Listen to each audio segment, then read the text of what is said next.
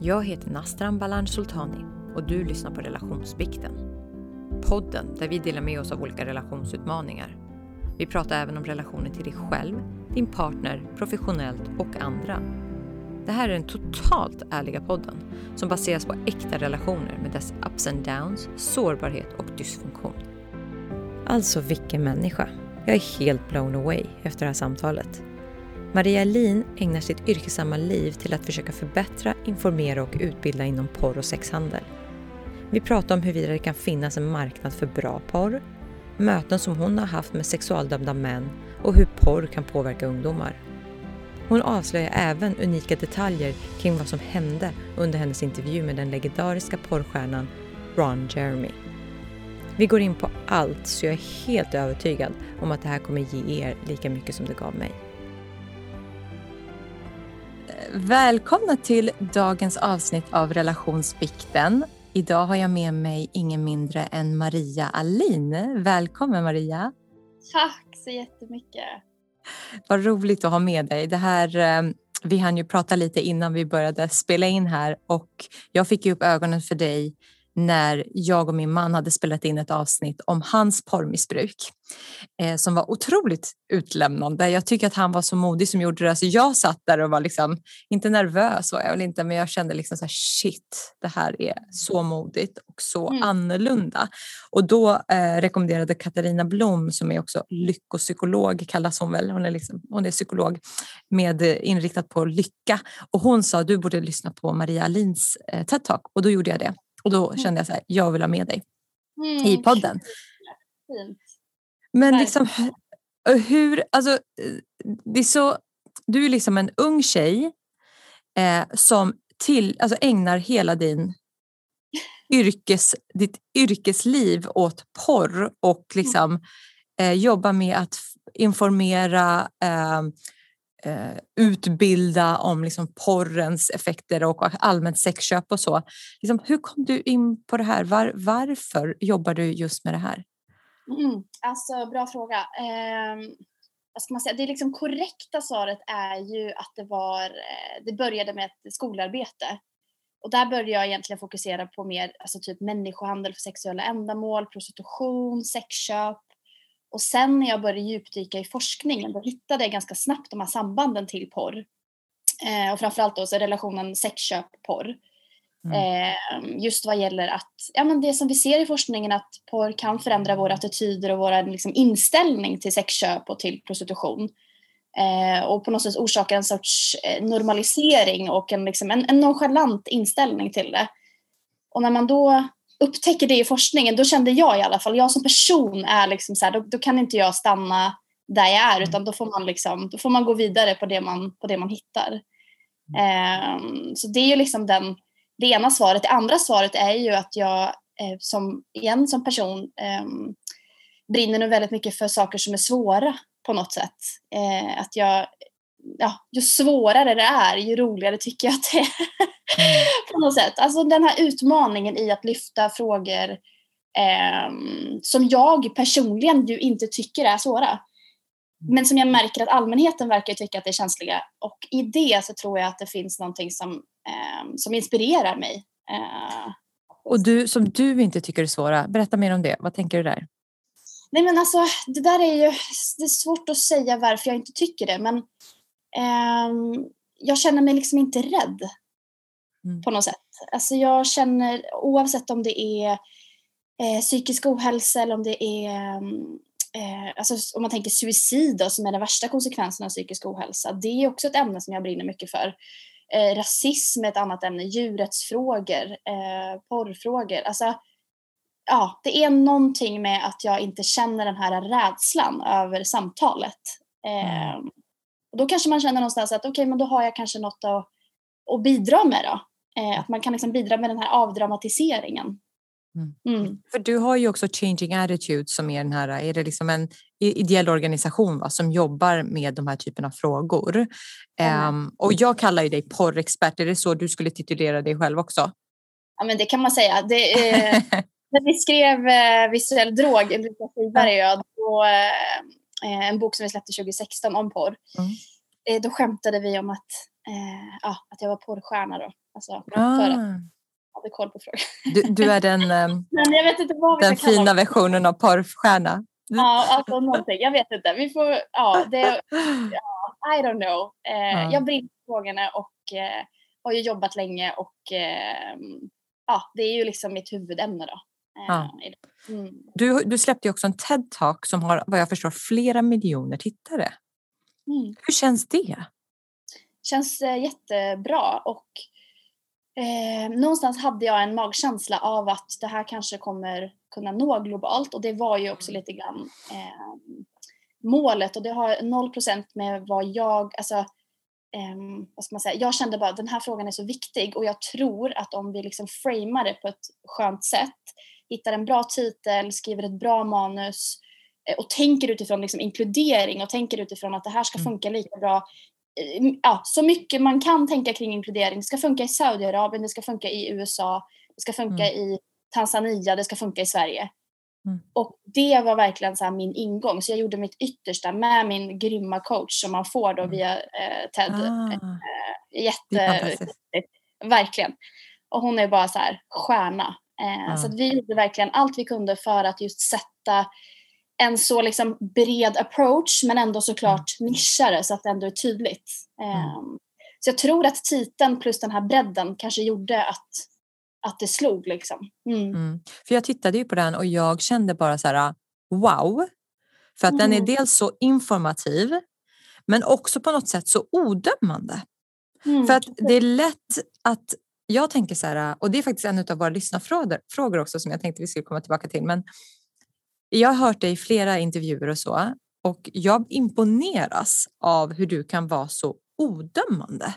För Mm. att du ser ju verkligen det mörkaste av det mörka. Eh, och ändå kan du hålla dig så proffsig och liksom så inkluderande som du säger själv. Hur gör du för att vara, hur, hur gör du? Mm, vad fint att du säger det. Um, alltså dels är jag, med, alltså jag är medveten om det och jag tänker utifrån så här, hur får man till, eftersom jag brinner ju för samtal eh, och liksom eh, ja, men de här öppna samtalen. Jag tror att jättemycket är vunnet med det.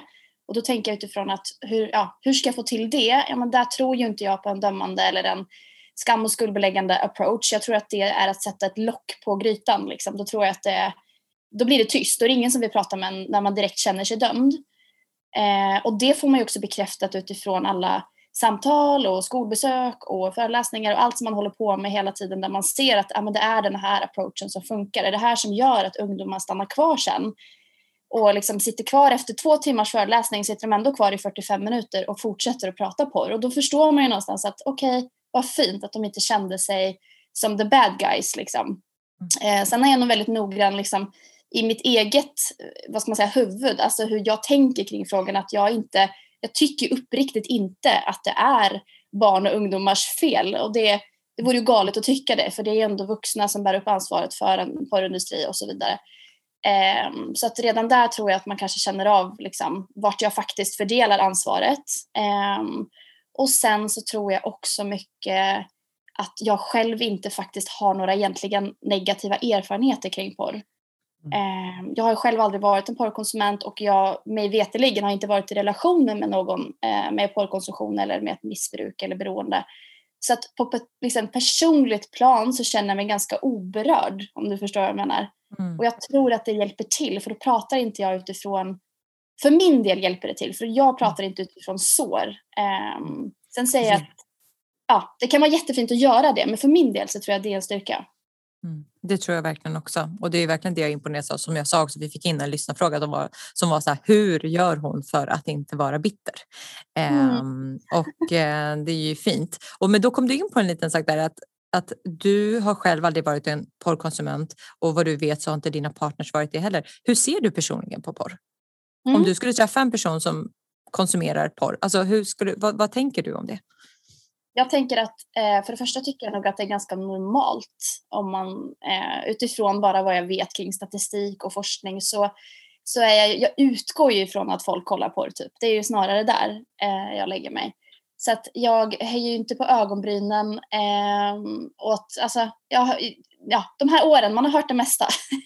så det ska en del till känner jag nu för att liksom chocka mig så. Eh, sen lär man sig något nytt hela tiden, absolut. Men eh, någonstans så tänker jag väl att så här, det är klart att du kollar på det är så tillgängligt, eh, det är jättespännande, det är jättesexuellt upphetsande. Eh, det är för många, framförallt ungdomar, kan vara den enda källan till sexualkunskap. Så att det är lite grann min inställning och sen tänker jag att okej, okay, men det viktiga här nu kanske är att vi har ett kritiskt perspektiv på det, att vi försöker tänka lite kring produktion, kring vilka är det som medverkar, kring vad vet vi från forskningen kan, liksom, vad kan hända med våra attityder, vår inställning till sexualbrott, våldtäkt och så vidare. Eh, vad händer i hjärnan, vad händer för den unga, vad händer med inställning till sex, relationer, samtycke. Så jag tänker att jag utgår ifrån att de flesta kollar på det och sen tar jag liksom snacket därifrån. Eh, mm. Det är lite grann liksom min syn på det. Mm. Men skulle du vara okej okay med din partner, att din partner kollar på det? Alltså, jag tror att jag skulle känna att jag undrade vad det skulle vara för symptom på något sätt. Alltså vad är, um, om man säger så här, vad skulle den porrkonsumtionen vara ett symptom för? Mm. Eh, vad, vad, står det för? Vad är det som saknas? Vad är det som, um, vad är det vi inte pratar om? Um, så jag tror att jag mer skulle känna okej, okay, det, här, det här är en, det finns en anledning till varför eftersom att i så fall skulle det ju vara, för nu är jag i en relation eh, där mig veterligen så sker det ingen porrkonsumtion och då om det plötsligt skulle ske då skulle ju jag undra varför. Så mm. jag tror jag skulle hoppa direkt till varför istället för det här får du inte göra utan vad är det som har brustit liksom. Mm. Mm. Okej, okay. Mm, tack. Eh, för jag tänker så här, jag var ju i en relation Mm. Eh, där jag tidigt märkte att jag hade kommit från en jättelång relation och han, min nuvarande man, mm. eh, hade inte haft så långa relationer utan det var väldigt mycket flyktiga, mycket olika typer av sexuella relationer. Mm. Eh, och jag märkte ju ganska tidigt att hans jag tror inte...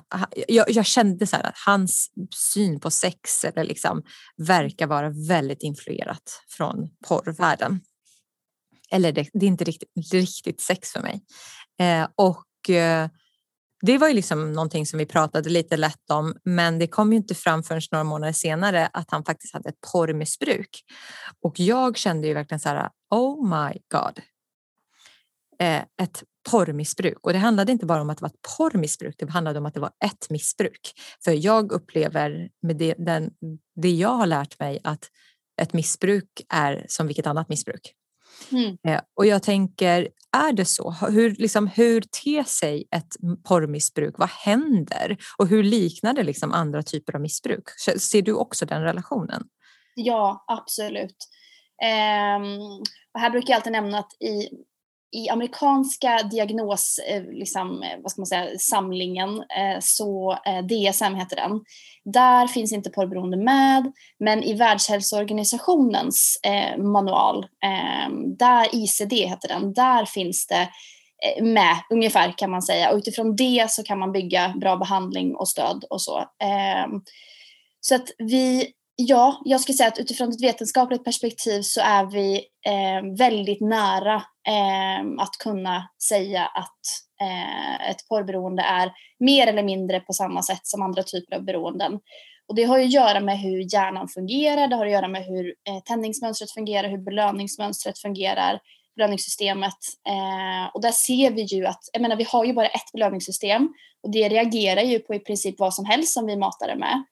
Eh, sen finns det vissa saker som kommer att ge en större belöning än andra. Till exempel kokain är mycket mer belönande än att eh, vara ute och träna till exempel eller få en kram. Eh, ja. Så den, där dopaminpåslaget eh, skiljer sig i mängd. Eh, men det vi ser från eh, forskning kring eh, porr är ju just att eh, det kan ske bland annat en ökad toleransnivå så att man helt enkelt upplever att ja, men bara rent kemiskt så känner man det här behovet av mer porr, kolla oftare, kanske förändra vilken typ av porr man konsumerar för att det man såg i början känns inte lika spännande längre. Så att nu behöver man liksom växla upp. Um, och det här ser man och jag ska också säga att det här bekräftas ju av så många berättelser över hela världen. Um, jag menar, det är en googling bort att hitta forum där människor delar med sig av sina erfarenheter av vad de upplever sig vara då ett porrberoende eller ett missbruk eh, eller en tvångsmässig konsumtion. Sen är det klart att alla som känner sig beroende kanske inte i ett liksom kliniskt perspektiv skulle fått en diagnos. Eh, för att man kanske märker att eh, ja, men det fanns liksom en tvångsmässighet i det men faktiskt inte ett beroende, alltså inte en sjukdom. Men sen så finns det de som, som får den här diagnosen och som skulle ha fått den här diagnosen som verkligen eh, drabbas på ett jättehårt och liksom ett allvarligt sätt. Eh, och då vet vi också att ju yngre du är, ju känsligare är du för dopamin. Så att, och i och med att exponeringen för pornografi är kring 12 för killar, strax under 14 för tjejer, eh, eller konsumtionen eh, faktiskt till och med, så jag menar, där har vi ju liksom en risk då. Eh, när man kombinerar med, med porr. Mm. Varför är, det mer, varför är det en större risk när man är ung? Man är känsligare helt enkelt. Eh, man är helt enkelt känsligare och det är också därför man är väldigt mån om, eh, till exempel i Sverige så håller man ju gärna alkoholkonsumtion och vi har ju åldersgränser på det här och vi gör ju vad vi kan för att förhindra att barn och unga ska använda sig av alkohol vid tidig ålder. Hjärnan är helt enkelt känsligare eh, och under utveckling. Och då vet vi att kan vi liksom skjuta upp den här exponeringen eller konsumtionen så, så långt det går så minskar risken för beroende. Så det tänket har vi ju kring till exempel alkohol. Eh, här behöver vi, tror jag, ha samma tänk kring eh, porrkonsumtion. För att det vore naivt att tro att ingen någonsin kommer kolla porr. Eh, om, liksom, om vi gör vad vi kan så tror jag fortfarande att det kommer vara fallet för väldigt många. Men jag tror att vi kan dels höja åldern och sen kan vi få in de här samtalen så att människor kan ta medvetna beslut. För det tänker jag att det förtjänar man, precis som med alkohol eh, eller som med cigaretter eller med vad som helst annat så har man någonstans rätt på den här kunskapen. Och utifrån det kan man bestämma. Hur mycket vill jag dricka, eh, hur ofta eller inte alls? Och så vidare. Och du pratar om det här liksom dopaminpåslaget, för, för jag upplever också att det liksom, eh, i alla fall i min mans och flera andra som jag vet, då är det, liksom, det är en flykt för ångest. När man känner ångest, när man känner stress så tar man till det här missbruket precis som vilket annat missbruk och sen får man det här dopaminpåslaget som också är kopplat till ett belöningssystem för det är någon form av, det är ju skönt också. Eh, så det blir liksom dubb, det är så mycket lättare att fastna i det och det är verkligen, du, du kan hitta porr på en sekund. Mm. Det är inte svårt. Det är inte så att du måste gå ut och köpa en drog utan du, kan, du behöver inte gå till systemet. Du kan verkligen bara klicka på din telefon. Ehm, men du pratade också om liksom att kokain kanske ger ett mycket större dopaminpåslag jämfört med kanske, nu vet jag inte, att sitta och jobba kanske. Ja. Eh, liksom att ha liksom arbetsmissbruk. Men, mm. men var ligger porren i det här? Liksom, är det liksom närmare, vet man det? Ligger det mm. närmare mm. kokain eller ligger det närmare jobb? Eller vart ligger det? Mm. Det ligger närmare droger, eh, gör det. Och eh, en eh, studie som jag tog upp just i TEDx-taket eh, från Valerie Woon, hette forskaren, eh, Cambridge. Eh, där ser man just, där, där man tittat, jag tror det var metamfetamin som man jämförde med. Och så gjorde man liksom brain scans och tittade helt enkelt på hur reagerar den drogberoende hjärnan versus den porrberoende hjärnan. Eh, vad händer och så vidare. Och man ser ju att det lyser upp på ungefär eh, samma sätt. Så att det man kan säga utifrån den studien är att Eh, och även om de är noggranna också måste säga vi kan inte dra för stora växlar för så ska ju såklart forskare uttala sig och liksom inte, ja, eh, inte dra för stora växlar helt enkelt. Så säger de ändå att det vi kan se är att eh, det verkar finnas en, eh, liksom, ja, men, eh, en tvångsmässig konsumtion med addictive qualities, alltså med beroende eh, kvaliteter, då, egenskaper. det är liksom ungefär det man, det man kan se när man jämför med då andra typer av liksom, tunga kemiska droger. Mm. Vad intressant. Mm. Och vad hemskt med tanke på hur många som brukar porr eh, mm. i, i, olika nivåer. Eh, men vad kan hända om man använder sig för mycket av porr? Vad, vad händer liksom med, vad, vad, vad är beroende, liksom, vad är symptomen? Vad är det som, och vad är konsekvenserna? Mm. Alltså, så här, många, och det ser vi också i forskning, många hanterar det rätt så bra. Eh, och väldigt många kan konsumera pornografi utan att bli beroende. Eh, många kan också när man konsumerar pornografi skilja man säger på det man ser i pornografin och det sen man kanske förstår att man ska utöva eller inte utöva i sina relationer. Eh, och vad gäller liksom vad som faktiskt händer hos den som eh, upplever sig vara beroende då, så pratar man ju väldigt ofta om till exempel abstinensbesvär, att det faktiskt drabbar eh, på så sätt att man helt enkelt man får, man får ångest, man kan få ökad ångest, man kan få sömnsvårigheter eh, och så vidare. Eh, den psykiska hälsan, att känner sig rastlös, orolig, irriterad. Eh, alla de här liksom typiska egentligen abstinensbesvären som kan gälla för annat också eh, uppger ju många. Ehm, och sen så är det ju det som också många säger eh, när man upplever sig själv vara beroende eller ha någon typ av liksom, en konsumtion på en nivå som man inte mår bra av. Då är det väldigt många som säger att jag gör det här trots att jag inte vill. Så det blir också ett dilemma, att man håller på med någonting som man känner att jag faktiskt inte vill göra men jag kan inte låta bli och jag mår inte bra av det men ändå gör jag det. Och väldigt många unga berättar till exempel för mig att eh, ja, men de får svårt att sova eh, när de känner att de kollar för mycket porr. Att de helt enkelt stannar uppe för sent, tittar för länge eh, och bara liksom inte kan ta sig från att bara sitta och slösurfa på de här stora porrsajterna. Och att det i sin tur då drabbar skolan dagen efter. Eh, det kan drabba immunförsvaret. Man sover ju, sover man för lite kan man lättare bli sjuk så att man blir trött och man liksom presterar sämre eh, och så vidare. Och det i sin tur också drabbar ju såklart kompisrelationer och allt som man egentligen har runt omkring sig där man liksom ändå måste vara på topp. Ehm, så att det är, det är, det upplevs väldigt allvarligt för den som faktiskt mår dåligt av det. Jag tyckte du sa det jättefint innan just eh, att man också behöver komma ihåg det här med var, varför kollar någon på porr. Att man också ser att för väldigt många är det ju en ångestdämpning, en verklighetsflykt. Eh, och där någonstans, om man då brukar porr på ett negativt sätt om man säger, där så kanske man också ser att den här ångestspiralen ökar. Eh, så att även om det kanske dämpas i, i, i, stunden, precis vid utlösning så känner man ah skönt, nu liksom bokstavligen skönt, nu blev det bättre. Men sen så ökar ångesten eh, och därmed också ökar behovet av då mer porr. Så det kan ju vara verkligen en sån här ångestspiral som piskar på eh, det här beteendet. Och du nämnde ju någonstans också att det, man, man, man behöver lite, eller tolkar det rätt, att man behöver liksom värre och värre och värre saker för att gå igång. Det, det man tittade på i början går man inte igång på lika mycket. Vad, vad, vad, vad beror det på? Varför ja, men, är det så? Ja, det är just det här tolerans, ehm, den här toleransnivån i hjärnan.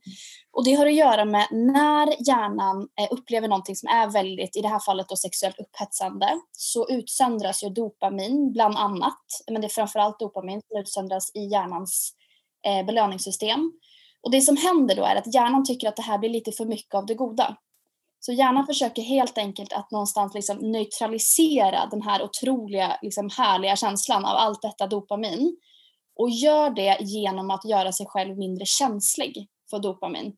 Så den gör helt enkelt så att de här receptorerna heter det i hjärnan, alltså de här på något sätt mottagarna som registrerar dopaminet och gör att vi känner oss då i det här fallet sexuellt upphetsade, de blir mindre känsliga för dopamin. Så det, det, det, är faktiskt en kemisk fysisk förändring som händer i ens hjärna vid en ökad toleransnivå där man helt enkelt inte rent fysiskt så kan man inte känna samma, den här mängden av dopamin eh, behöver ökas för att man ska känna samma som man gjorde eh, i början. Och därför vill vi då hjälpa att man liksom höjer till exempel konsumtionen eller kollar på annan typ av porr. Mm. Precis som vanliga droger tänker jag. Aha. Man behöver mer och mer. För att, och man försöker komma tillbaka till den där första känslan som man Just. hade första Just. gången man tog någonting. Men jag har ju också hört att man också kan få erektionsproblem. Mm. Eh, I vanligt samlag. Mm det, det där är ju ett, jag ska säga där är inte forskningen alls eh, lika tydlig eller långt framme. Eh, mm. Alltså så här, generellt sett när det gäller porrforskning så har vi väldigt mycket. Vi brukar säga att vi har ungefär 50 år av forskning. Men så finns det vissa fält där det är mer eller mindre svart, där vi knappt vet någonting. Och här är det en ganska stor debatt till exempel. Eh, ja, framförallt kanske i USA har man debatterat mycket kring om porrimpotens är ett begrepp som, ja, är det vetenskapligt eller inte? Eh, och vi har inte landat i att det faktiskt är så ännu. Däremot så kan man säga utifrån berättelser att det finns ju väldigt många som berättar om det här. Och väldigt ofta, eh, nu vet inte jag vart vi kommer landa i vetenskapen just vad gäller porrimpotens kopplat till då, eh, ja, eller ja, porrimpotens. Eh, men väldigt ofta så har ju de här verkliga berättelserna ett värde för vetenskapen. Ofta går de ju före också. Så att man upptäcker någonting som börjar hända liksom i, i befolkningen och då vaknar forskare och tycker att det här är spännande, det här måste vi undersöka. Så att vem vet vad vi får för eventuella liksom, eh, resultat. eh, om tio år. Eh, men just nu så skulle jag säga att det starkaste vi har kring det är ju egentligen då berättelserna. Eh, mm. Mm. Ja, och anledningen varför jag tar upp det är dels för att min man upplevde ju det. Det. Eh, så det är ju hans berättelse att han upplevde att vid vanligt sex så var det svårt. Mm. Eh, men också att han tittade ju, det som fick honom att få en wake-up call det var ju ett TED-talk han tittade på när vi hade precis liksom när han precis hade börjat förstå att det var faktiskt ett porrmissbruk vi pratade om. Ett tätt tag med Gary Wilson, jag vet inte om du har sett det, The Great Porn Experiment. Och då har jag för mig att han visar, eh, i alla fall i någon studie han hade gjort, att man kunde se att det också leder till liksom, erektionsproblem och till och med impotens.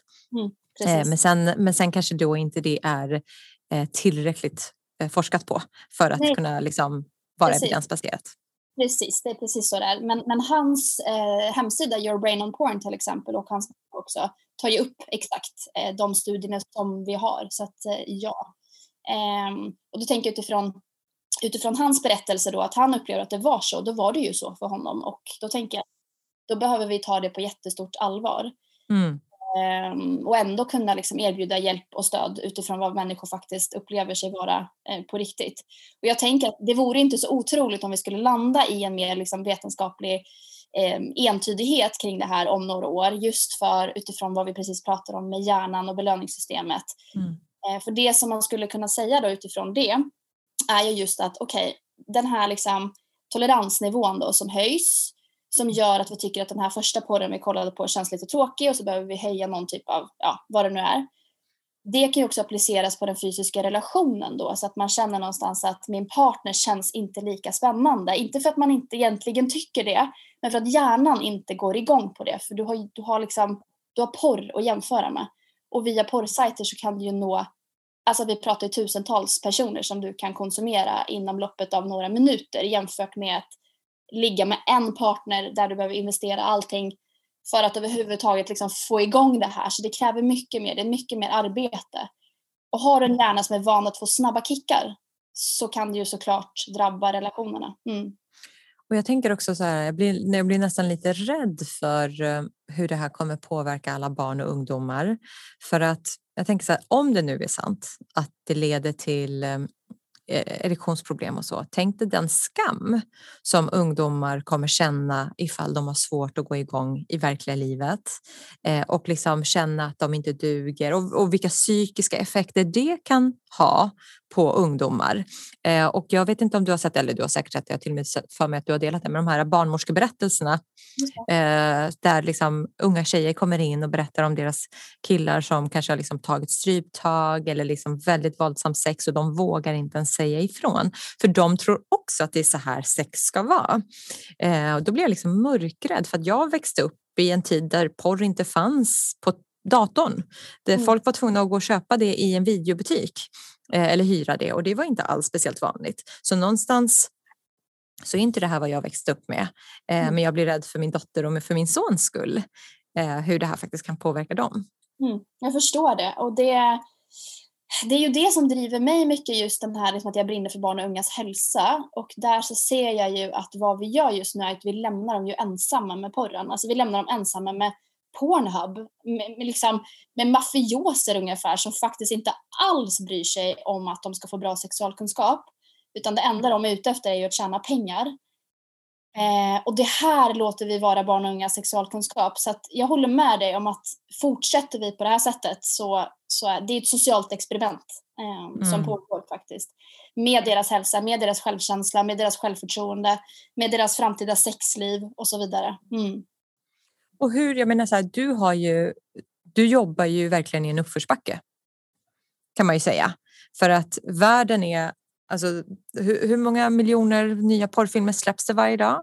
Men ja, alltså, det är ju, alltså det är, det är så många, så liksom hur, hur, hur tänker du eller hoppas du kunna påverka det här så att det faktiskt går åt andra hållet? Mm. Men alltså där så tror jag att när jag var yngre, då var jag nog Um, och det har, jag har det fortfarande i mig, den här liksom förändra världen eh, liksom, approachen på något sätt. Eh, och jag tror ju på det och jag tänker i det så det är något fint i att vara lite liksom, naivt ung på något sätt ibland. Uh, även som äldre, just att man ser att um, ja, men allt går typ. Jag har ju fortfarande den inställningen. Uh, men jag tror också med åldern så kommer det också någon typ av kanske mer realism då.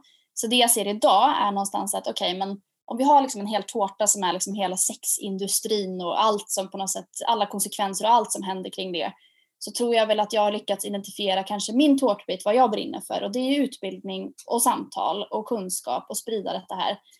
Och då tänker jag att jag får göra mitt då eh, och så får jag hoppas att andra gör de andra tårtbitarna. Eh, det är liksom, ingen kan göra allt men alla kan göra något och då tänker jag att då får jag göra det jag kan helt enkelt. Sen så ser jag ju såklart hela tiden de här positiva konsekvenserna av utbildning och samtal och så vidare. Det är också nu vad som händer med, med Pornhub. Har du hängt med i hela mm. svängen? Um, Men kan inte du berätta för det, om mm. det, vad som faktiskt har hänt mm. med Pornhub? Uh, med Pornhub? Nej men alltså det, uh, det är ju rätt otroligt. Alltså 2020 bara fällde hela, um, hela företaget egentligen. Eh, och det fortsätter ju verkligen nu in i 2021. Eh, och det som i kortfattade, liksom, eh, ja, kortfattat så det som har hänt är att eh, det har varit en global, global kampanj kring det här för att uppmärksamma det och sen så kom det ut en New York Times-artikel där man framför allt, där journalisten kritiserade varför Mastercard och Visa, de här två liksom betalningsjättarna, varför i hela friden har de sina lösningar tillgängliga på Pornhub i och med allt det vi vet nu från bland annat den här stora kampanjen vad det gäller övergrepp och eh, pornografi som har filmats eh, utan samtycke, laddats upp, det som vi kallar liksom hämndporr som egentligen är ju övergrepp som, ja, alltså på nätet, digitala övergrepp. Eh, och allt detta här lyftes fram i den här stora artikeln vilket gjorde att Mastercard och Visa faktiskt gick ut och sa att nu slutar vi eh, finnas eh, som betalningslösningar på Pornhub. Och därefter så blev det som en snöbollseffekt. Så nu är det ju, det är ju stämningsansökningar, det är Um, ja, men det är liksom hearings där, um, där ägarna faktiskt får ställas till svars för första gången någonsin. Ja. Uh, och det som händer nu är just att det kommer, uh, man ser ju det att de, de stäms egentligen från, från höger och vänster. Uh, och mm. också det här är väldigt intressant för att för första gången någonsin så har vi deras namn och bild på vilka mm. det är som faktiskt äger då MindGeeks som är det här stora liksom, föräldraföretaget som har bland annat då Pornhub. Och hittills har vi inte vetat namn, vi har inte vetat vilka de är, vi har inte vetat... Är det sant? Ingenting har funnits. Hur kan man inte ha vetat vem som äger det? De har haft ett fejknamn som de har använt. Ah. Så fort de har släppt citat till media så har det stått ett helt annat namn. Och då började olika, och det här var innan New York Times-artikeln, så var det andra också journalister och det har ju varit så spekulationer i några år i media kring att möjligen är det så att de här personerna faktiskt inte finns. Mm. Mm. Och så visar Vilka är det som äger det då? Um, vad heter han? Um, Anton någonting tror jag han ja. heter i efternamn. Ja. Uh, det är ju en... Är det en ägare? Alltså det är flera ägare, eh, men det är ja. han som är liksom the big boss. Eh, och han måste vara stenrik. Ja. Och det som är också ganska intressant är att just nu så är han mitt i eh, ja, men han får ju sitta och egentligen besvara alltså, hearings och det här finns ju online och titta på och se vad han faktiskt får för frågor och, från politiker och så. Eh, men precis parallellt med att allt det här liksom the shit hit the fan om man säger så höll han och hans fru och barn på att bygga ett jätteslott egentligen. Som vi får se då om det blir, om han, ja, vart han hamnar, om man får bo i sitt slott eller om man behöver bo i fängelset istället. Vi får väl se vart det slutar. Jag älskar att han har fru och barn också. Ja, det är ganska intressant. Det, det vore en intervju jag gärna hade gjort. Och du med säkert. Jag förstår det. Men jag hörde, du har ju träffat också många människor från båda läger där du bra, bland annat träffade Ron Jeremy. Mm, stämmer. Jag har sett ett snitt, alltså jag har sett ett litet klipp och jag vet inte ens vad jag ska säga om den intervjun.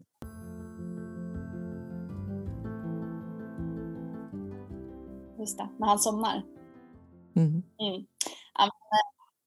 Alltså det är typ en av mina mest speciella eh, möten någonsin. Eh, det var så här att jag gjorde mitt bästa för att få tag i honom.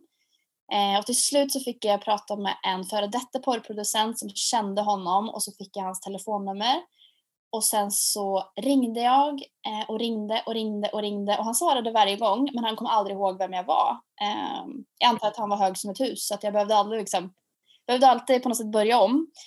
Eh, sen åkte jag till LA eh, med en kompis. Vi tog in på ett hotell och jag ringde honom så fort jag hade landat och sa nu är jag här, nu tycker jag vi ska ses, vart ska vi ses? Jag tror jag fick i alla fall lägga liksom fyra, fem dagar på att ringa med många telefonsamtal innan han till slut säger ah, okej okay, men kom till mitt hotell. Um, och du vågade det? Ja, det gjorde jag. Eh, det får man ju i efterhand kanske nu när han faktiskt kommer få typ vad är det, 300 år i fängelse. 330 år i fängelse. Vi ska också berätta det för folk som inte vet. Ron Jeremy är alltså en porrstjärna från vadå, 60-talet? 70-talet? Ja. ja. Eh, jättestor porrstjärna. Så, mm. och det, det, sägs att han har, alltså han har typ spelat in närmare 2000 olika filmer och haft typ sex med över 10 000 personer. Stämmer, stämmer. Så att han är ju liksom kanske det mest kända namnet egentligen genom tiderna. Så, att, eh, så oavsett vad man tycker om porr så är han ju på ett sätt då en legend. Eh, ja. ja. det måste man ändå ge honom. Och eh, så till slut då så åker vi till det här hotellet och då är det i West Hollywood och det är ett det är riktigt så gammalt eh, Hollywoodhotell som ingen har rört sedan typ 50-talet. Och det hänger eh, bilder, svartvita bilder på massa kändisar, eh, före detta, alltså människor som inte lever idag, som har bott där, jättestora namn. Och sen så, eh, ja, och då sitter jag och min kompis sitter vid poolen, eh, för vi ska möta upp honom där. Eh, och han kommer inte. Till slut så kommer hans assistent, en jättegullig tjej, hämtar oss och sen så får vi komma in på ett hotellrum. Och där sitter vi och väntar i säkert två och en halv timme innan Ron till slut dyker upp och det är ju liksom, han är ju en karaktär. Eh, han är extremt svår att beskriva. Eh, man får googla honom på något sätt, så bara, alltså, bara för att få se lite grann vad man liksom, vad, vad det är som, vad man först möter på något sätt. Och, och kolla Youtube-klipp med honom också, och se lite grann hur han är, för han är, han är liksom excentrisk eh, på många sätt. Men där sitter vi eh, på hotellrummet och pratar i ja, två, tre timmar. Eh, och jag får ställa frågor och spela in och eh, ja. Problemet märker jag ganska snabbt det är att det är han som liksom run the show. Han är det svåraste objektet jag någonsin har haft. Och jag känner att jag kommer ingen vart. Så det jag gör är att jag bara inser att jag måste vara kreativ. Så då säger jag till honom, du jag ställer lite frågor på sociala medier så att folk har lite frågor till dig. Kan vi köra lite frågebatteri istället så att vi bara liksom betar av lite snabba frågesvar här. Eh, och det vaknar han liksom till och tycker att det låter kul. Och då tar jag fram mitt anteckningsblock men där i så står det ju inga frågor. Mm. Så du får på. Så då är det som att jag liksom är tillbaka på så här lågstadiet och ska skriva en uppsats och typ så här, det första jag liksom kommer på är eh, beskriv dig själv med tre ord. och det är liksom det jag kommer på. Och då börjar han första ordet, andra ordet och sen så somnar mannen. alltså vad säger man då? Nej, nej men du förstår, alltså det är det mest surrealistiska jag har varit med Jag kunde inte tro mina ögon. Allt det här har jag ju på film och jag bara liksom lutar mig tillbaka och bara känner att händer det här? Och just mm. då är jag också själv i hotellrummet för då har alla som har sprungit in och ut är där då. Eh, och min kompis har lämnat för en middag så att då sitter jag där själv med honom sovandes. Och sen mm. går det väl alltså det känns ju som att det går en minut, men låt säga att det kanske går 20 sekunder och så vaknar han. Um, och, och, du säger ingenting heller. Det är det som är, jag tycker att det är så här, eh, också imponerande att du ändå bara sitter där. men alltså, jag tror ju inte att det här, jag bara det här händer ju inte. Får jag Nej. det? är ju, och det, det, är ju sorgligt men det är också episkt. Alltså, om du förstår vad jag menar. Det är liksom, utifrån ett mer kanske journalistiskt perspektiv så är det ju bara guld.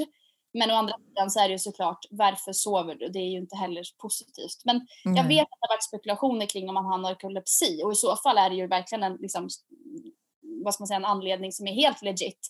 Eh, men jag kan också säga utifrån den personen jag mötte kanske inte var helt nykter eller helt eh, opåverkad av droger. Så var ju också känslan mycket. Eh, du har det... inte släppt den här intervjun va? Nej, jag har inte gjort det. Eh, jag ruvar lite på den. Jag vet inte riktigt. Ett tag var jag inne på att jag skulle skriva en bok. Eh, men jag tycker att det är lite för bra för bok. Det behöver liksom, eh, jag tror att det får bli någon typ av eh, röstversion av det här. Ehm, och faktiskt också vid ett tillfälle ska jag säga så sitter, ehm, så sitter jag då och pratar med honom och så knackar det på dörren. Och då kommer det in en ung tjej, hon kan inte ha varit mer än 18 år. Ehm, och sätter sig i hans knä. Och liksom klappar på honom och han klappar på henne och framför mig då så, så kommenterar han hennes kropp och liksom tycker har hon inte fina tuttar, har hon inte fint hår, är hon inte vacker? Eh, och då visar det sig att för han har precis då, eh, någonting har hänt med hans hjärta så han har varit inlagd och sen nu ska han liksom ta det lugnt och vårdas. Eh, och då har hon bott gratis hos honom för att vara liksom lite vårdare då. Ehm, men hela grejen, alltså hela situationen är ju shady. Alltså man märker att nu är jag i en värld som som, är, ehm, som kanske inte många kanske egentligen har så koll på och inte jag heller eh, på samma sätt egentligen som de såklart har. Ehm, och i samband med det här så får jag också träffa en person som är, vad ska man säga, han, han säger själv att han är liksom rape guard ungefär, han är en våldtäktsvakt eh, security guard för personer i porrindustrin som när de beställs till sexfester, låt säga att det är en svensexa, och sen så eh, ska de ha någon typ av sexshow här på den här festen. Då är tanken att hon inte ska bli våldtagen, att inte gästerna, att inte killarna på den här svensexan till exempel ska våldta henne och därför så måste hon ha med sig då eh, den här våldtäktsvakten. Så hade Ron Jeremy med sig en våldtäktsman? Eh, eller var det hon tjejen som kom? Nej, ingen av dem. Det här var en, en till person som jag träffade också i porrindustrin. Eh, kände Ron Jeremy som var in och ut ur det här hotellrummet också, som jobbade som, eh, som eh, säkerhetsvakt. Och det här var också väldigt svårt att förstå. Vad är liksom relationen är? Hur hänger allting ihop? Um, och, det, och det insåg jag nog att den här industrin, i alla fall från vad jag har sett, eh, sen är jag, motbevisa mig gärna, eh, men den här industrin verkar vara mycket mer oplanerat och ostrukturerad än vad till och med jag trodde. Och jag måste säga att i min kanske naivitet så trodde jag att nu kommer jag nog möta lite mer lyx, lite mer glam. För jag har ju ändå jobbat ideellt i många år också på Maklandsgatan i Stockholm och träffat tjejer i, i gatuprostitution och killar också. Eh, och trodde någonstans att jag skulle möta lite mer glamour i den här industrin versus gatuprostitution. Men för mig var det väldigt likt. Det var liksom eh, ja, det var mycket mindre glamoröst än vad jag någonsin kunde föreställa mig faktiskt. Och varför kanske... bodde han ens på hotell undrar jag? Nu är det en jättebid... Så här, varför ställer jag ens den frågan så här? Men vad, vad gjorde han på... Vad, varför bodde han där? Har han inget hem? Alltså det du beskriver, det är lite så här om man fick vara, alltså klichén av klichéer. Så här, hur skulle man någonsin beskriva en sån här person och en sån här situation? Och allt det här någonstans fick du se och träffa på. Ja, precis så. Nej, det är det, är det mest, alltså, det är det mest kliché, stereotypiska man kan tänka sig och så hände allting. Och det är ju, jag beskriver det nu med ord, jag önskar att alla fick vara fluga på väggen och vara där, för det var helt surrealistiskt. Uh. Och sen så i slutet så säger han till mig att eh, då vill han att jag ska stänga av ljudinspelningen och jag får inte ta med det här. Ehm, så han tar min mobil och lägger den under en kudde och säger att den får ligga där nu när jag ska säga det här till dig. Ehm, och nu, nu berättar jag det här och han säger helt enkelt så här att han kritiserar metoo. Ehm, och förstår inte varför den här revolutionen behövs och menar att det är överdrivet och det är lögner och så vidare. Och då var ju han precis anklagad också bland annat för eh, några sexualbrott. Så att det var ju personligt för honom. och sen precis när vi ska lämna hotellrummet han och jag, eh, för då är vi också själva, då eh, stannar han mig jag håller precis på att öppna dörren och så stannar han mig och så säger vänta, du har något där. Så jag, vadå där? Och så böjer han sig ner och pekar och så liksom skrapar han mig på knät på mina jeans. Och jag liksom bara, vadå? Och så säger han lite sådär, skämtar lite då och säger att ska du anmäla mig för sexuella övergrepp nu? Hans poäng var ju då att det var det han tyckte att metoo bestod av ungefär, alltså helt liksom ja, anklagelser som var helt orimliga och som inte alls Tagna ur luften helt tagna ur luften. Så mm. det var hans poäng. Mm. Så det är också Skönt. Skönt att han var insiktsfull i alla fall mm. kring sina handlingar. Undrar om han har fått sam om han har samma syn på det nu efter jag vet inte hur många våldtäkter och eh, sexuella övergrepp han är anmäld för. Mm. Visste du om de här grejerna när du gick in i det här hotellrummet själv med honom? Nej, eh, jag visste att han var anklagad för ett ah. Eh, antal fall, det visste jag. Men jag visste inte hur illa det var. Eh, det visste jag. jag visste det som stod i media helt enkelt. Jag hade ju verkligen liksom researchat honom så jag hade ju koll. Och sen så Um, gjorde jag också en bedömning och det är klart att, att, um, att det är alltid en risk att träffa uh, alla, höll jag på att säga, man inte, ja, så. Men uh, jag gjorde också en bedömning utifrån vad jag fick veta av den här andra före detta porrproducenten, vad, vad den personen sa. Och det var en person som jag hade lärt känna och liksom hade väldigt stort förtroende för. Och det var ju ändå han som på något sätt sa att, um, att han menade att det här skulle kunna vara en bra intervju. Så det var ju han som också tjatade på Ron lite och sa att så här, den här tjejen den här tjejen ska du prata med. Att, jag eh, tänker till exempel med Harvey Weinstein där folk har gått in på ett arbetsmöte och sen så blivit våldtagna eller liksom han har försökt våldta dem. Jag hade ju inte vågat gå in i det där Nej. rummet. Eller Nej.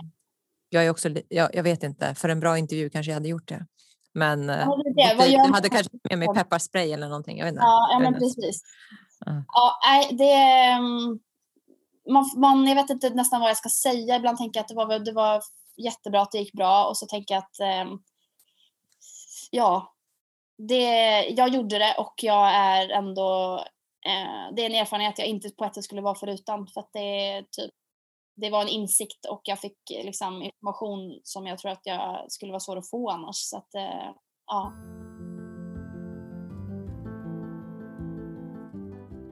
Hur ofta, för jag upplever, jag har, har du sett den här Rocco-dokumentären som finns på Netflix? Nej, jag har inte sett den, men jag ja.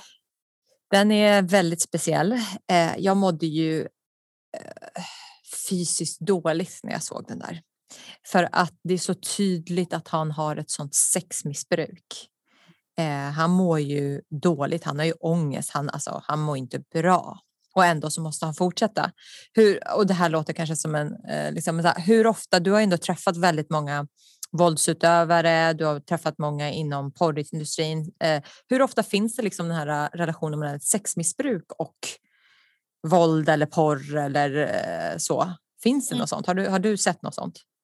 Jättebra fråga och där har jag ju inte forskning att luta mig på men där kan jag ju spekulera utifrån bara vad jag har mött och vad jag har fått höra. Um, och jag tror att det är absolut en faktor.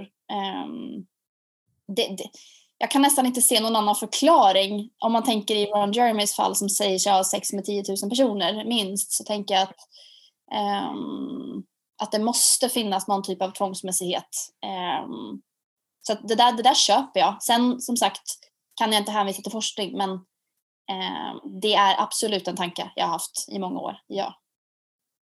Och jag tänker också så här, eh, för nu har ju, du har ju också varit på, i fängelse och träffat folk som har varit liksom, våldsamma mot kvinnor, som har gjort sexualbrott och så.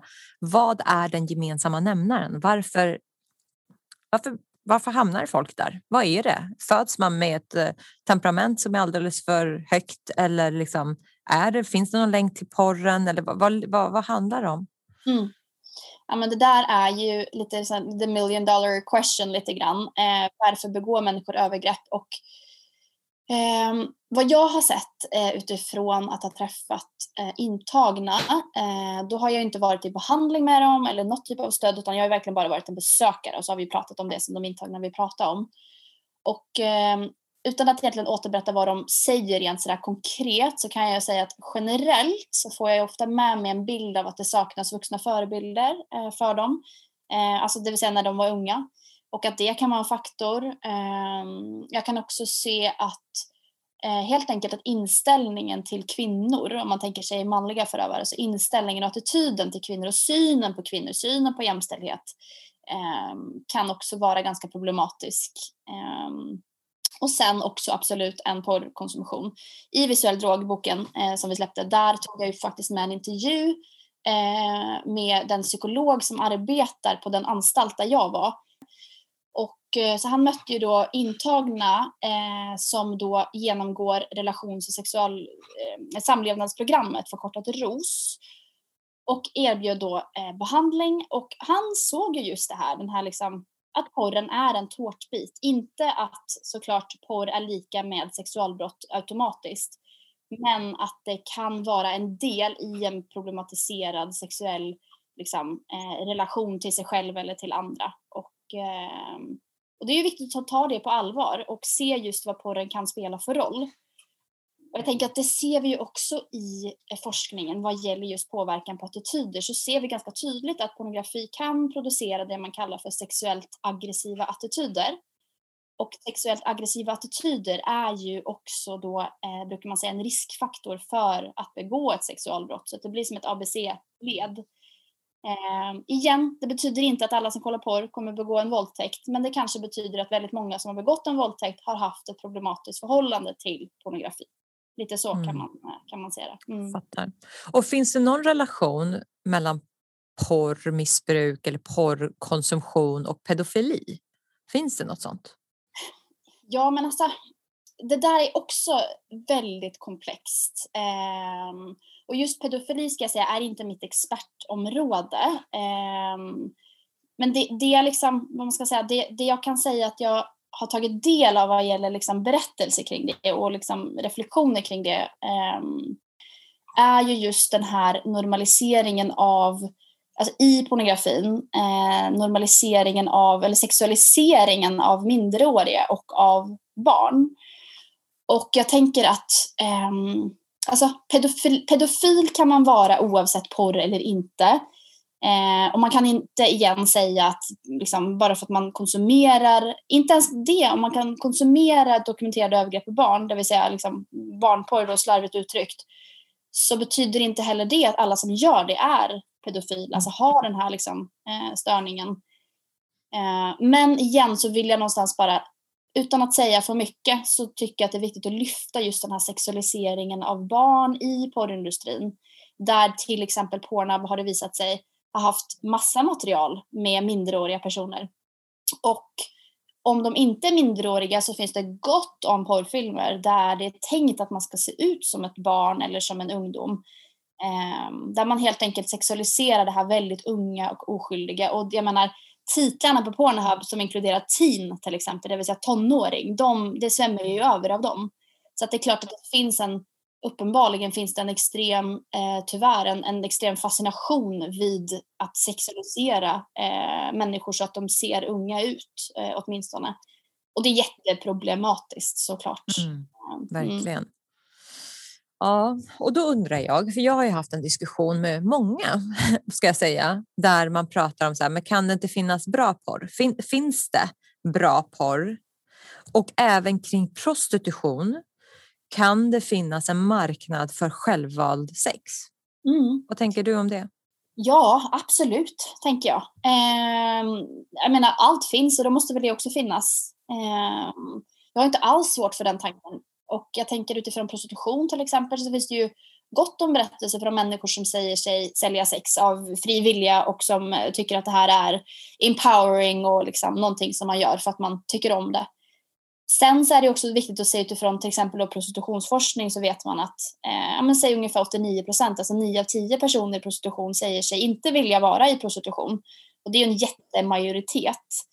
Och det är också det som till exempel Sveriges sexköpslag är byggt på, just den här majoriteten, att skydda den gruppen som ju är den största gruppen som säger sig inte vilja göra det här.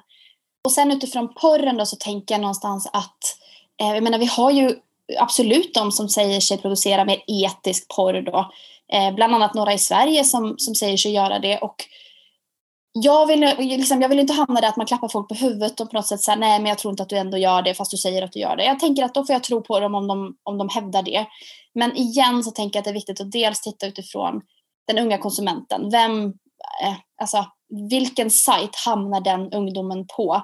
Troligen är det ju inte de här etiska sidorna utan det är ju högst troligen till exempel då Pornhub och den med eh, den liksom 12-13-åring som känner sig, liksom, känner sig sexuellt upphetsad kanske inte kommer spendera en halvtimme på att försöka hitta den här etiska porren. Och möjligen vore det också kanske naivt att tro att vi kan utmana en hel porrindustri som ju egentligen eh, enbart bygger på, på pengar och eh, på det här liksom egentligen utnyttjandet. Eh, att kunna utmana den jätteindustrin med ett par vettiga etiska producenter. Det kanske också är naivt. Um, och sen igen utifrån det här som jag pratat om tidigare med hjärnan så är det klart att det också är möjligen så att man kanske tycker att etisk porr är spännande i tre veckor. Och sen så kanske man faktiskt eh, söker sig till annat ändå. Så då i, i liksom det fallet skulle det kunna vara en inkörsport också. till någonting annat som man kanske inte alls egentligen vill då konsumera. Eh, så man måste liksom tänka på alla de här delarna. Eh, men med det sagt så vill jag också ha respekt för den som säger sig producera någonting som är etiskt och ehm, ja, de här två tankarna som vi kan ha samtidigt. Mm. Mm, jag förstår. Eh, och jag tänker också så här, det är väl, jag, jag har lite svårt att nu låter det dömande, men jag tänker så här, det är klart att det finns, det kan finnas några där ute som kan tänka sig att sälja sex för att de tycker att det är jättehärligt och vad det nu är. Jag har bara svårt att se att eh, världen någonsin kommer vara eller bestå av folk som bara vill sälja sex. Jag tror att den, det är en sån minoritet som verkligen vill göra det. För att de på riktigt vill, inte för att de måste eller behöver eller liksom så. Eh, sen så tror jag också att det kommer alltid finnas ett större behov, så vad man än gör så kommer det alltid finnas en marknad där folk eh, hamnar i tvång eller kidnappas eller så. För, att det, för efterfrågan är alltid så mycket större än vad utbudet kommer vara. Eh, men med det sagt så, så ska jag inte heller döma och säga att det inte går. Men jag har bara svårt att se hur det skulle fungera på riktigt.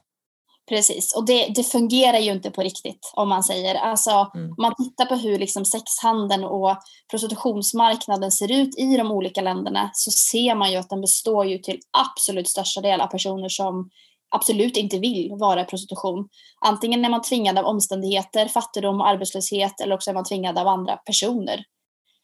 Eh, eller av ett missbruk, beroende och så vidare. Så att, eh, för de allra flesta, och jag menar jag har träffat, eh, vad kan det vara, 300-400 personer i prostitution genom åren i en massa olika länder och eh, de historier som jag har fått tagit del av är väldigt tuffa, de är väldigt eh, man är nästan traumatiserad själv när man går därifrån för att man har fått höra någonting som är liksom riktigt tufft.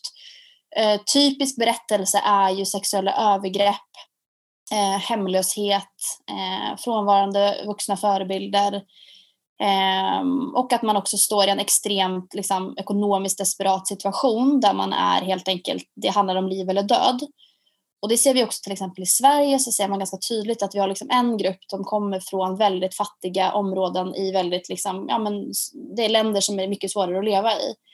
Och då kommer man till Sverige av rent egentligen ekonomiska skäl. Ehm, eller också så har vi Eh, människor i Sverige som också kämpar med ett missbruk och som faktiskt är på Malmskillnadsgatan till exempel i Stockholm för att försörja det. Sen har vi också ungdomar som använder sig av sex som självskadebeteende, eh, som Caroline Engvall, journalist, varit jätteduktig på att lyfta. Där man också ser att man faktiskt inte är ute efter pengarna utan man är ute efter ångestdämpningen. Och eh, det är ju väldigt komplext och att bara påstå att eh, de flesta gör det här av fri vilja stämmer inte med forskningen och det stämmer inte med de här berättelserna från verkligheten. Nej, precis. Superviktigt. Eh, och det är, så, det är så komplexa frågor också som inte är så lätta. Eh, det, jag tänker så här, jag skulle vilja sitta på så mycket data när jag väl hamnar i de här diskussionerna som jag inte alltid gör. Jag måste bara skaffa mig liksom en så här note på, på iPhone som jag kan ta fram data ifall man hamnar i de här diskussionerna. Och det är intressant också att veta att Pornhub är en av de, eller porrindustrin är en av de som är största investerare till virtual reality tekniken. Eh, och då tänker jag också så här, vart går gränslandet mellan fiktivt och verklighet? Och om vi börjar skapa, skapa saker och ting som är VR, eh, där man på riktigt tror sig nästan våldta en person eller ta strypgrepp eller göra de här sakerna om det är nu sånt som folk går igång på. Vart går då gränsen mellan verkligheten sen när man, när man tar av sig de här glasögonen? Precis. Den tycker jag är lite läskig. Mm, absolut. Och det som är någonstans med, liksom, som du säger med VR-porren till exempel, det är ju just um, ja, men dels förutom det du säger att det faktiskt är porrindustrin som har liksom skyndat på den här utvecklingen som med så mycket annan teknisk utveckling, betaltjänster, eh, liksom betaltjänstlösningar online och så vidare. Det är mycket, man ska säga, tack vare porrindustrin. Um, men just, du, jag tycker du lyfter det jättebra, just den här problematiseringen kring uh, att du faktiskt interagerar på ett helt annat sätt än vad du gör om du sitter still och tittar på någonting och mm. klicka runt. Eh, här är det ju det, det, du som liksom medverkar i filmen, om man säger. Det är mm. du som får en avsugning, det är du som stryper någon, det är du som drar någon i håret. Och det, ja, utifrån ett liksom hjärnperspektiv så skulle det vara jättespännande att se om vad händer med dopaminpåslaget till exempel, är det kraftigare och så vidare. Det vet inte jag, men, men det är eh, det ska bli både spännande och lite nervöst att följa. Mm, verkligen.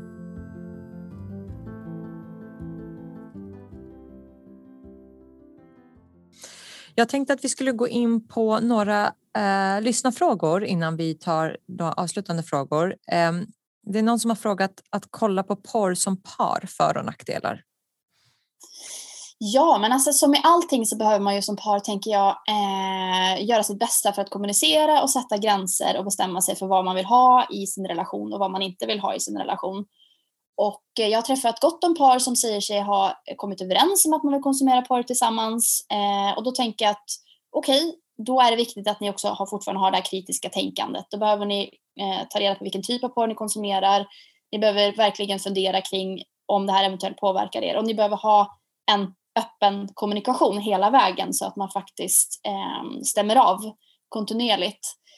Eh, och för vissa så, jag menar jag har träffat många som hävdar att det här ger mer inspiration, att det ger mer, kan ge mer självförtroende, att man kan känna att man vågar testa nya saker, att det kan hjälpa till med lust och så vidare. Och sen så finns det den andra delen som, ehm, som är mer, eh, liksom, där finns det med negativ påverkan med till exempel jämförelse. Att man upplever sig eh, inte kunna låta bli helt enkelt av väldigt naturliga skäl tänker jag att jämföra sig med det som kanske ens partner då tittar på. Jämföra sig som om man är tjej då och är i ett heterosexuellt förhållande så jämför man sig med tjejerna som killen kollar på. Eh, det finns ju också forskning på det vad gäller koppling till ätstörningar till exempel, att det mm. faktiskt påverkar bilden av, av tjejers, eh, hur tjejer ser på sig själva. Att det kan trigga eh, olika eh, problematiska eh, beteenden. Och eh, också när det gäller förväntningar så tänker jag också att det kan vara en, eh, en sak som kan påverka. Eh, att man som tjej, om man tänker att, om jag utgår från ett heterosexuellt, i och med att tyvärr höll jag på att säga så är väldigt mycket av forskningen heterosexuell eh, om man säger. Så utifrån det vi vet där så ser man ju att tjejer kan ju uppleva att, ehm, att jag behöver ställa upp på någonting som jag inte vill men som jag gör för att vara skön.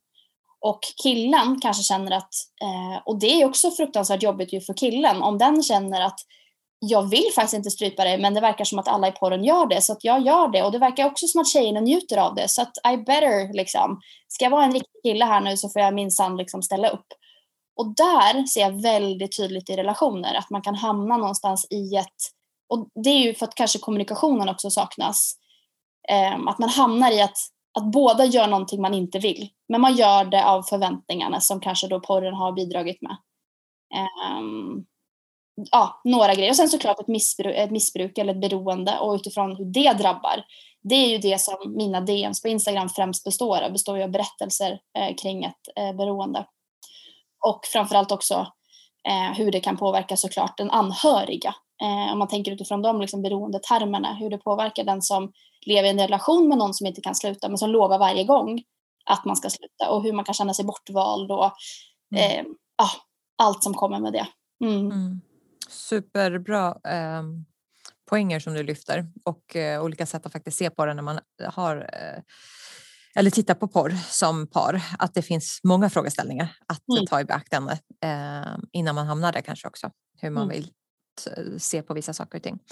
Och sen så var det en lyssnare vars åttaåriga dotter hade sökt på porr för någon vecka sedan åtta år tänker jag. Oh my god. Alltså, min dotter är bara fyra år ifrån, i så fall. Mm. Då är frågan så här, då frågar den här personen hur tar man upp detta med en åttaåring? Mm. Oh, jag, först vill jag bara säga att jag har sån empati för att det där måste vara så svårt. Eh, jag har ju lyxen att kunna kliva in i ett klassrum, prata med barn och ungdomar och sen så har jag också lyxen att kunna lämna. Jag är inte ens lärare, jag behöver inte ens stanna kvar dagen efter och se någon i ögonen. Så att men att till och med också vara förälder och behöva ta de här samtalen. Jag fattar att det måste vara jättesvårt. Eh, mina bästa tips baserat på vad jag har läst och vad jag har gjort själv och vad andra har berättat för mig är att man tar det på ett åldersanpassat sätt. Så att man eh, med den som är väldigt liten så pratar man kring, eh, kring snippa och snopp och kropp och privata delar och vad man får röra och inte röra andras privata delar. Gränssättning, respekt och så vidare. Eh, och ju mer, liksom, ju mer moget barnet är, det behöver inte alltid vara kopplat till ålder i och med att det kan vara så olika ju. Så att ju mer moget barnet är eh, ju mer kan man ta liksom, och lägga in lite svårare ämnen. Eh, men såklart inte hålla liksom, en porrföreläsning för någon som är åtta år utan där skulle jag säga att man kan prata mer om, om nätet till exempel, nätanvändning, eh, se till att man har riktigt bra koll på vad ens barn gör online. Eh, prata om de roliga sidorna, de jobbiga sidorna, fråga har du sett något läskigt, något kul och så vidare. Inte bara ta det negativa heller. Prata kring sex, eh, samtycke eh, tänker jag är jätteviktigt och vara ärlig när man får frågor från barn och sätta ord på det man faktiskt vill säga. Och inte kanske prata om en stork utan faktiskt prata om att en penis går in i en vagina och så här sker det. Liksom. Eh, och att det inte heller bara är för befruktningssyfte utan att man också pratar om liksom, de här positiva aspekterna kring sex och ha ett sex, tänker jag, ett sexpositivt perspektiv. Eh, men såklart på ett åldersanpassat sätt. Och ju äldre barnet blir så kan man också koppla på Ja, man kan säga att nu har jag lyssnat på den här podden och de pratar om porr. Är det någonting som ni har pratat om i skolan? Är det någonting du har tänkt på? Är det någonting du vet om du kanske har någon kompis som kollar porr? Det kan ju vara lättare att prata om en kompis ibland. Ehm, men det finns liksom det finns lite grejer man kan göra men jag tror det viktigaste man kan göra det är att bygga en bra relation till sitt barn med ett förtroende där man också är noggrann med att säga att snubblar du på det här så får du komma till mig, jag kommer inte bli arg på dig. Precis som vi tänker kring alkohol att det är klart vi inte vill att liksom 14-åringar ska dricka men vi vill ju också någonstans säga att gör du det så ring mig så hämtar jag dig. Så lite den eh, approachen. Och jag tror att barn känner ju av, de är ju så duktiga ju på att scanna vilka de kan prata med. Och har man en öppen approach där man märker att inte mamma, pappa eller vem det nu är som är vårdnadshavare går i taket utan liksom kan hålla sig lugn och sansad och vara öppen och ärlig. Eh, då tror jag att jättemycket är vunnet. Mm. Och jag tänker också att det är så lätt som förälder att tänka så här, jag kommer ta upp det den dagen det dyker upp. Eh, men för, förmodligen, vad vi vet, är att det kommer dyka upp långt tidigare än vad du tror. Eh, och inte nödvändigtvis bara porr utan också frågor kring sex och så vidare. Eh, att det kanske är bättre att vara proaktiv och ta tag i frågan när de redan blir sju, åtta år. Säga så här, vet du vad, vet, ska vi prata lite om sex? Mm. Vad är det? Vad, vad, tror du att det är? Vad vet du att det är? Vad har du hört att det är? Eh, och liksom att man istället för att vänta tills att de kommer, för då har de redan fått en första introduktion eh, som kanske inte är helt rättvis liksom, beskrivning av vad sex är, eh, utan att man tar den frågan själv mm. innan 100%. de kommer. Mm. Så bra, mm. så bra. Det där är ju, det är så mycket som är vunnet om man hinner före, som du säger nu. Mm. Just att du vill liksom, you wanna beat the porn industry to it. För att nu hinner de före, nu får de försprånget. Och vi vet ju någonstans att vi människor, vi kommer alltid någonstans att jämföra det vi hörde först, kommer allt annat att liksom få tävla mot. Så att nu när porren hinner före, då kan vi liksom springa efter där fyra, fem år senare och försöka prata om lite kondomer på en banan. Men jag menar, de har redan fått allting och mycket mer via Pornhub. Så att kan vi hinna före så har vi gjort jättemycket. Det eh, jag håller helt med dig. Jättebra. Mm. En annan fråga vi, som jag fick var, eh, och vi har redan berört den lite, erektionsproblem som kan komma av för mycket porr. Du var inne på det att det inte är liksom vetenskapligt eh, bevisat än. Men om man lyssnar på historier Ja, precis. Så behöver man ta det på allvar. Eh, mm. Jag skulle aldrig avfärda någon som berättade om det här. Och, mm ja, jag, jag kan tänka mig att vi kanske kommer få se mer vetenskapligt stöd för detta i framtiden. Jag är inte alls förvånad om det blir så. Och, eh, tills dess så har vi de här berättelserna. Och jag tänker att det är viktigt att faktiskt också påpeka att eh, det är inte snällt om man säger att inte tro på människor som berättar någonting. Alltså vi behöver ju liksom ha lite medkänsla här och eh, ja, men, forskning i all ära, men om det finns massa människor som säger att de upplever någonting, så oavsett vad så behöver vi ta det på allvar. Det är min eh, inställning. Så att upplever man att det är ett problem, då är det ett problem och då förtjänar man stöd och hjälp mm. för det. Mm. Super. Och eh, vi var inne på det där hur du inte blir görbilter. Det var ju en göteborgare som har skrivit den frågan. men, och du var inne på det i början, men jag tänker, så jag tänker att vi hoppar till den sista frågan som är hur kan vi förebygga att den yngre generationen inte köper övergrepp? Och mm. hur jobbar man förebyggande i skolan? Mm. Ja, men då är ju samtal kring porr, sex, samtycke eh, jätteviktigt. Och sen så såklart, vi kan ju kanske inte naivt tro att vi bara kan snacka bort allt detta här. Eh, men har man de här kritiska samtalen och inte bara en gång utan ofta och så mycket man kan och från massa olika perspektiv. Eh, där tror jag någonstans att man också kan bygga liksom, värderingar och bygga attityder som gör att man ju kan förhindra, ett, eh, liksom, i alla fall kanske minska risken då för, eh, för övergrepp, att man begår övergrepp. Och eh, såklart också ha med sig att det, det, är mer komplext än så. Människor har ju begått våldtäkt i alla tider. Eh, men, men eh, ja, utan att porrindustrin såg ut som den gör idag. Men eh, det vore inte orimligt att anta utifrån forskningen att vi kanske ser fler, om man säger, eh, vad ska jag säga, lite snällt uttryckt missförstånd då. Att man faktiskt ser att unga kan begå övergrepp som man kanske faktiskt inte ens förstår att man har, nu har jag begått ett övergrepp eller också om man är ung och utsatt att man inte förstår att det här var ett övergrepp. Och där tänker jag att när vi låter porren sätta standarden så, um, så liksom det rubbar våran eh, annars kanske naturliga instinkt vad gäller just vad är rätt och vad är fel i förhållande till gränser och samtycke. Så att det här kritiska samtalet tror jag jättemycket på och sen såklart bör man också se över eventuella kanske tekniska lösningar eh, just vad gäller ja, ska en åttaåring som den här föräldern innan skickade in, ska den personen ens kunna få tillgång till porr? Finns det någonting vi kan göra för att hjälpa till där så att vi höjer den här exponeringen i alla fall i ålder? Och sen också eventuellt juridiska lösningar finns det också möjlighet att titta på vad gäller kanske framförallt porrindustrin och produktionen och så vidare. Ehm, men det är just tror jag utbildning, samtal igen och igen och igen och igen på massa olika fronter. I omklädningsrummet, i klassrummet, i hemmet, eh, bland kompisar och så vidare. Ehm, det, det, är väl liksom, det är det vi kan göra tror jag. Eh, mycket. Jag tror inte vi heller ska underskatta de här samtalen och den här utbildningen. Jag tror att det är, eh, finns ett jättevärde i det. Mm, jätteviktigt.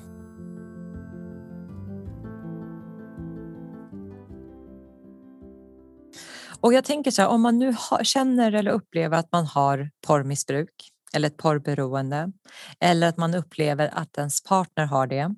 Vad ska man göra? Ja, alltså då tänker jag någonstans att eh, dels det första som behöver hända det är att man berättar för någon. För att med all typ av beroende så älskar ett beroende att det får liksom ske i hemlighet. Så någonstans behöver man sticka hål på den här liksom hemlighetsbubblan genom att då säga det högt och säga det till någon annan. Um, och sen också ett, ett, tips som jag vet verkar funka jättebra för jättemånga det är att man skaffar sig Eh, det man på engelska kallar för accountability partner, alltså någon som man eh, står till svars inför och som man liksom tar ansvar inför. Så låt säga att jag skulle vara porrberoende och så skulle du få vara min accountability partner. Då kanske du ringer mig en gång i veckan. Tjena Maria, hur mår du? Hur går det? Och då är tanken att det här ska ju vara en, en relation där man har förtroende för varandra så att jag ska svara ärligt. Så att jag berättar för dig, vet du, i måndags, jag kunde inte låta bli, jag kollade på det. Men sen har det gått jättebra resten av veckan. Så den här liksom, eh, ja, att, man, att man tar ansvar och är ärlig verkar vara väldigt eh, framgångsrikt för väldigt många.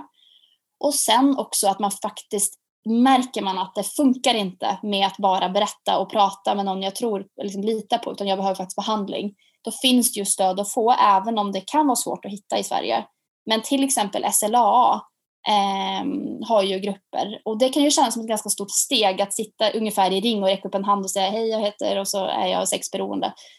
Men nu finns det ju till exempel online i och med den situationen vi är i. Det kanske kan vara eh, lite lättare. Eh, och jag vet att det är någonting som hjälper väldigt många. Och ja, annan typ av stöd. Eh, via ungdomsmottagningar till exempel kan man ju vända sig. Men det viktiga är att man heller inte liksom nonchalerar och man som sagt känner att det funkar inte att bara prata med någon. Jag måste faktiskt få behandling. Då ska man ta det på lika stort allvar som om någon vore beroende av alkohol. Vi skulle inte bara hänvisa någon till lite samtal med någon de litar på när det gäller alkohol. Så att, eh, var inte rädd för att liksom ta det på riktigt stort allvar. Mm. Mm. Super. Och eh, som det här SS, SSLA, heter SLA, det så? SLA. Mm. SLA, ja just det. Just det, jag borde ju kunna det här. Eh, men det är ju ett tolvstegsprogram, eh, precis som många andra tolvstegsprogram, där man går dit anonymt och där kan man också få hjälp av, med sponsor som kan bli den här accountability partnern som du har då. Ehm, sen så finns det ju också, jag vet att min man använder också något som heter Your Brain, uh, por, uh, your, your, Brain on Porn som du nämnde tidigare som var han Gary Wilsons som han har skapat och där har de ju byggt upp det på ett väldigt bra sätt också. Att om, om, jag tror att det var den han syftade på, eller jag tror att det är den, som är att när man går in där så kan man liksom så här, få, liksom, är du sugen på att, äh, alltså att den, den är strukturerad för någon som faktiskt letar efter porr just då. Så att då kan man också få hjälp med ehm, att klicka på saker som gör att man sen kommer ur det här. Att man faktiskt inte söker sig till porrsidan. Så känner man liksom det här suget i fingrarna. Jag tror att det var den sidan. Jag ska kolla med honom och i så fall länka till den eh, som också kan funka. Men som sagt, man skulle ju önska, nu vet inte jag hur bra eh, sjukvården är i Sverige, att man kan gå till läkaren och säga hej, jag känner att jag har ett porrmissbruk, hur, hur allvarligt de skulle ta på det och vart de skulle skicka en. Eh, men de här tolvstegsprogrammen är väldigt, väldigt, väldigt effektiva mm, mm. och väldigt bra. Man får mycket förståelse. Ja men exakt, verkligen. Eh, och det finns ju, på tal om sjukvården, så finns det ju eh, beroendemottagningar som man kan vända sig till. Eh, och sen så kan det skiljas, skilja åt lite där, va, som sagt vad du säger, alltså, vart, vart hänvisas du, vart, vad får du för stöd och hjälp och så vidare. Men eh, tveka inte att ta kontakt med eh, ja, sjukvården faktiskt. Ja. Och, och också söka på tolvstegsterapeuter tror jag också finns ju. Mm, just det. Jättebra. Sen finns det också jättebra appar som jag brukar tipsa eh, på Insta om. Mm. Eh, typ så tracking-appar som du faktiskt, och det kan ju hjälpa för den som kanske inte faktiskt har ett riktigt ordentligt porrberoende utan bara liksom känner att shit jag behöver liksom bryta den här vanan. Eh, där man helt enkelt bara laddar ner en jätteenkel app och så bara börjar du tracka dina liksom, nyktra dagar. Och så fyller du i när du eventuellt liksom, trillar dit och får återfall och sen så, ja, och då hjälper den här appen dig liksom, i den här accountability-känslan då att du liksom, just det, jag har ju min app, jag vill ju kunna fylla i ännu en dag utan porr. En sista grej också som jag bara tänker är viktigt att lyfta, för väldigt många som kan höra av sig till mig i alla fall skriver att så här, ah, men hur ska jag klara det här? Det känns som att nu ska jag bestämma mig för att vara nykter i 70 år, hur gör jag det? Och där tänker jag med all typ av beroende så är det så viktigt att ta det Eh, alltså en dag åt gången. Och ibland behöver du ta en timme eller en minut åt gången. Så försöka vara så mycket i nuet som möjligt och ha inte som målsättning att nu ska jag vara eh, nykter i 70 år, för det pallar ingen. Eh, det blir alldeles för liksom overwhelming. Men att försöka tänka, jag ska bara inte kolla på det idag. Och helt plötsligt, vem vet, kanske har gått 70 år och så har du klarat det. Men att man har fokus på idag. Mm, precis, jättebra tips verkligen. Och den här tracking-appen som du pratade om, vad, vad, vad heter de? Vad finns det för olika? Eh, jag ska, lägga, ska jag skicka dem till dig sen om du vill länka? Jättegärna. Mm. Ja. Mm. Mm. Typ Så vi länkar till eh, de här tracking-apparna. Jag lägger dem i bion i, i podden. Super, superbra. Jag tänker också så här, du har ju Changing Attitudes. Vad är din förhoppning med Changing Attitudes? Vad, vad vill du vara om tio år? Vad vill du? Mm. Vad ska ha hänt? Vad ska ha hänt? Um, nej men dels så ser jag ju behovet av juridiska förändringar i USA och jag brinner jättemycket för eh, USA med alla dess brister och allt vad det är. Eh, så att jag hoppas att det kommer kunna vara ännu mer i framförallt Los Angeles då, i Kalifornien eh, där ju egentligen porrindustrin har sitt liksom, stora fäste.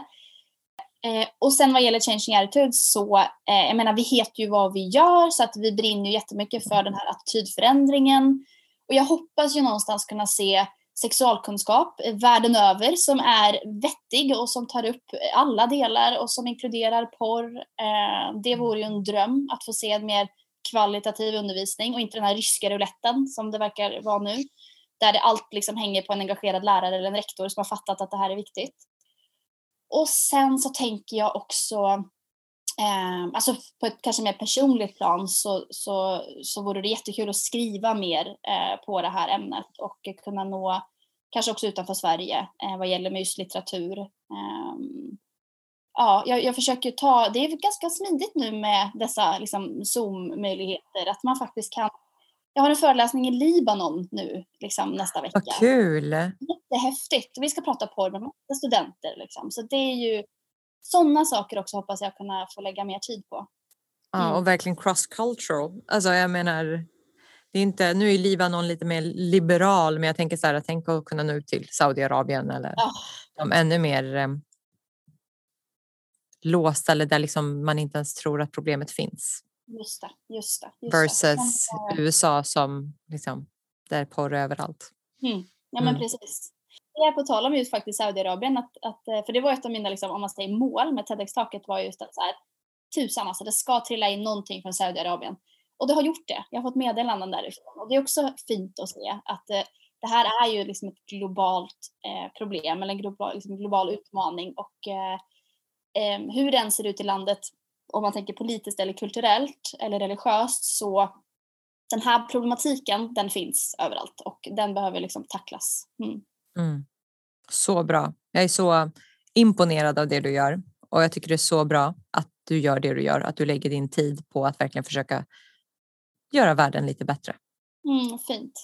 Mm. Mm. Och du har ju skrivit två böcker också. En som heter Visuell drog och den andra, den, ny, den senaste boken heter väl Värsta bästa svårsnacket. Stämmer. Vad handlar de om, om man nu skulle vilja läsa lite mm. av dina böcker? Visuell drog är ju, eh, mig vetligen så var det Sveriges första bok om eh, barn, unga och nätporr vad gäller liksom, mm. påverkan på attityder, hälsa, relationer, sexualitet, hjärnan och med ett beroendeperspektiv eh, riktar sig till en äldre publik, ska jag säga, till eh, liksom vuxna, föräldrar, vårdnadshavare, lärare, eh, profession och så vidare som vill liksom kunskapshöja. Eh, den nästa nu som kommer i slutet på juli, Värsta bästa svårsnacket, eh, har jag skrivit ihop med Maria Duva som är kriminolog och som möter jättemånga barn runt omkring i Sverige och pratar om nätet och nätsäkerhet och så vidare. Och eh, den riktar sig direkt till barn. Så mm. den är till ungefär, säg 12, alltså ungdomar också, 12 till 15 eh, och handlar om porr, sex och samtycke. Och är ett, liksom, det, det, det svårsnacket som vi ju tycker att alla barn och ungdomar har rätt till men som man kanske inte alltid får på alla fronter tänker vi att vad fint om det här kan få vara i alla fall ett bidrag till att kanske eh, ha lite mindre rysk roulette och se till att det är lite fler barn och ungdomar som får de här samtalen. Eh, så det, det, är ett, det är ett samtal med dem egentligen i bokform. Eh, baserat på såklart fakta och forskning och de får kunskap och vi tar upp massa olika delar och eh, Ehm, ja, ett porrkritiskt perspektiv men med ett jättestort fokus på just att du har rätt till den här kunskapen. Så det är väldigt mycket ett rättighets och maktperspektiv också som vi tar in. Att vi tycker att du har rätt att veta hur porrindustrin ser ut. Du har rätt att veta vad som händer med dig om du konsumerar pornografi för att kunna fatta informerade beslut. Det är ju fantastiskt. Så en bok till vuxna som är den här visuella drogen och en andra, bo, eh, andra som heter Värsta bästa svårsnacket som riktar sig till ungdomar. Stämmer. Vad bra. Då mm. hoppas jag verkligen att uh, de flesta kommer läsa den och jag kommer mm. läsa båda så har mm. jag koll. Och så ska jag ge den i present till min dotter och min son när de blir lite äldre. Vad fint, jättebra ju. Men tack så jättemycket Maria. Känner du att det är någon fråga som du eller någonting som du känner att det här vill jag liksom förmedla mm. vidare? Nej, men alltså jag känner att vi, det känns som vi har pratat om massa bra och viktigt och spännande. Eh, jag tänker väl att man bara vill skicka med, liksom, den som kanske är förälder då och lyssnar, bara skicka med mod och pepp att så här, våga ta snacket. Eh, det går oftast mycket bättre än man tror och eh, barn och unga sätter oftast väldigt mycket, eh, alltså de, de blir väldigt glada helt enkelt för de här samtalen och uppskattar det väldigt mycket. Så att eh, försök att liksom utmana rädslan och försök att hitta mm. modet. Mm. Superviktigt. Tack så jättemycket. Tack så jättemycket för det fina jobbet du gör. Eh, att du lägger ner din, eh, ditt liv på det här. Mm. Eh, jag uppskattar det jättemycket. Eh, och tack också för att du ville vara med i den här podden. Tack att jag fick vara med. Så kul. Såklart. Tack. Ha det fint allihopa. Hej då.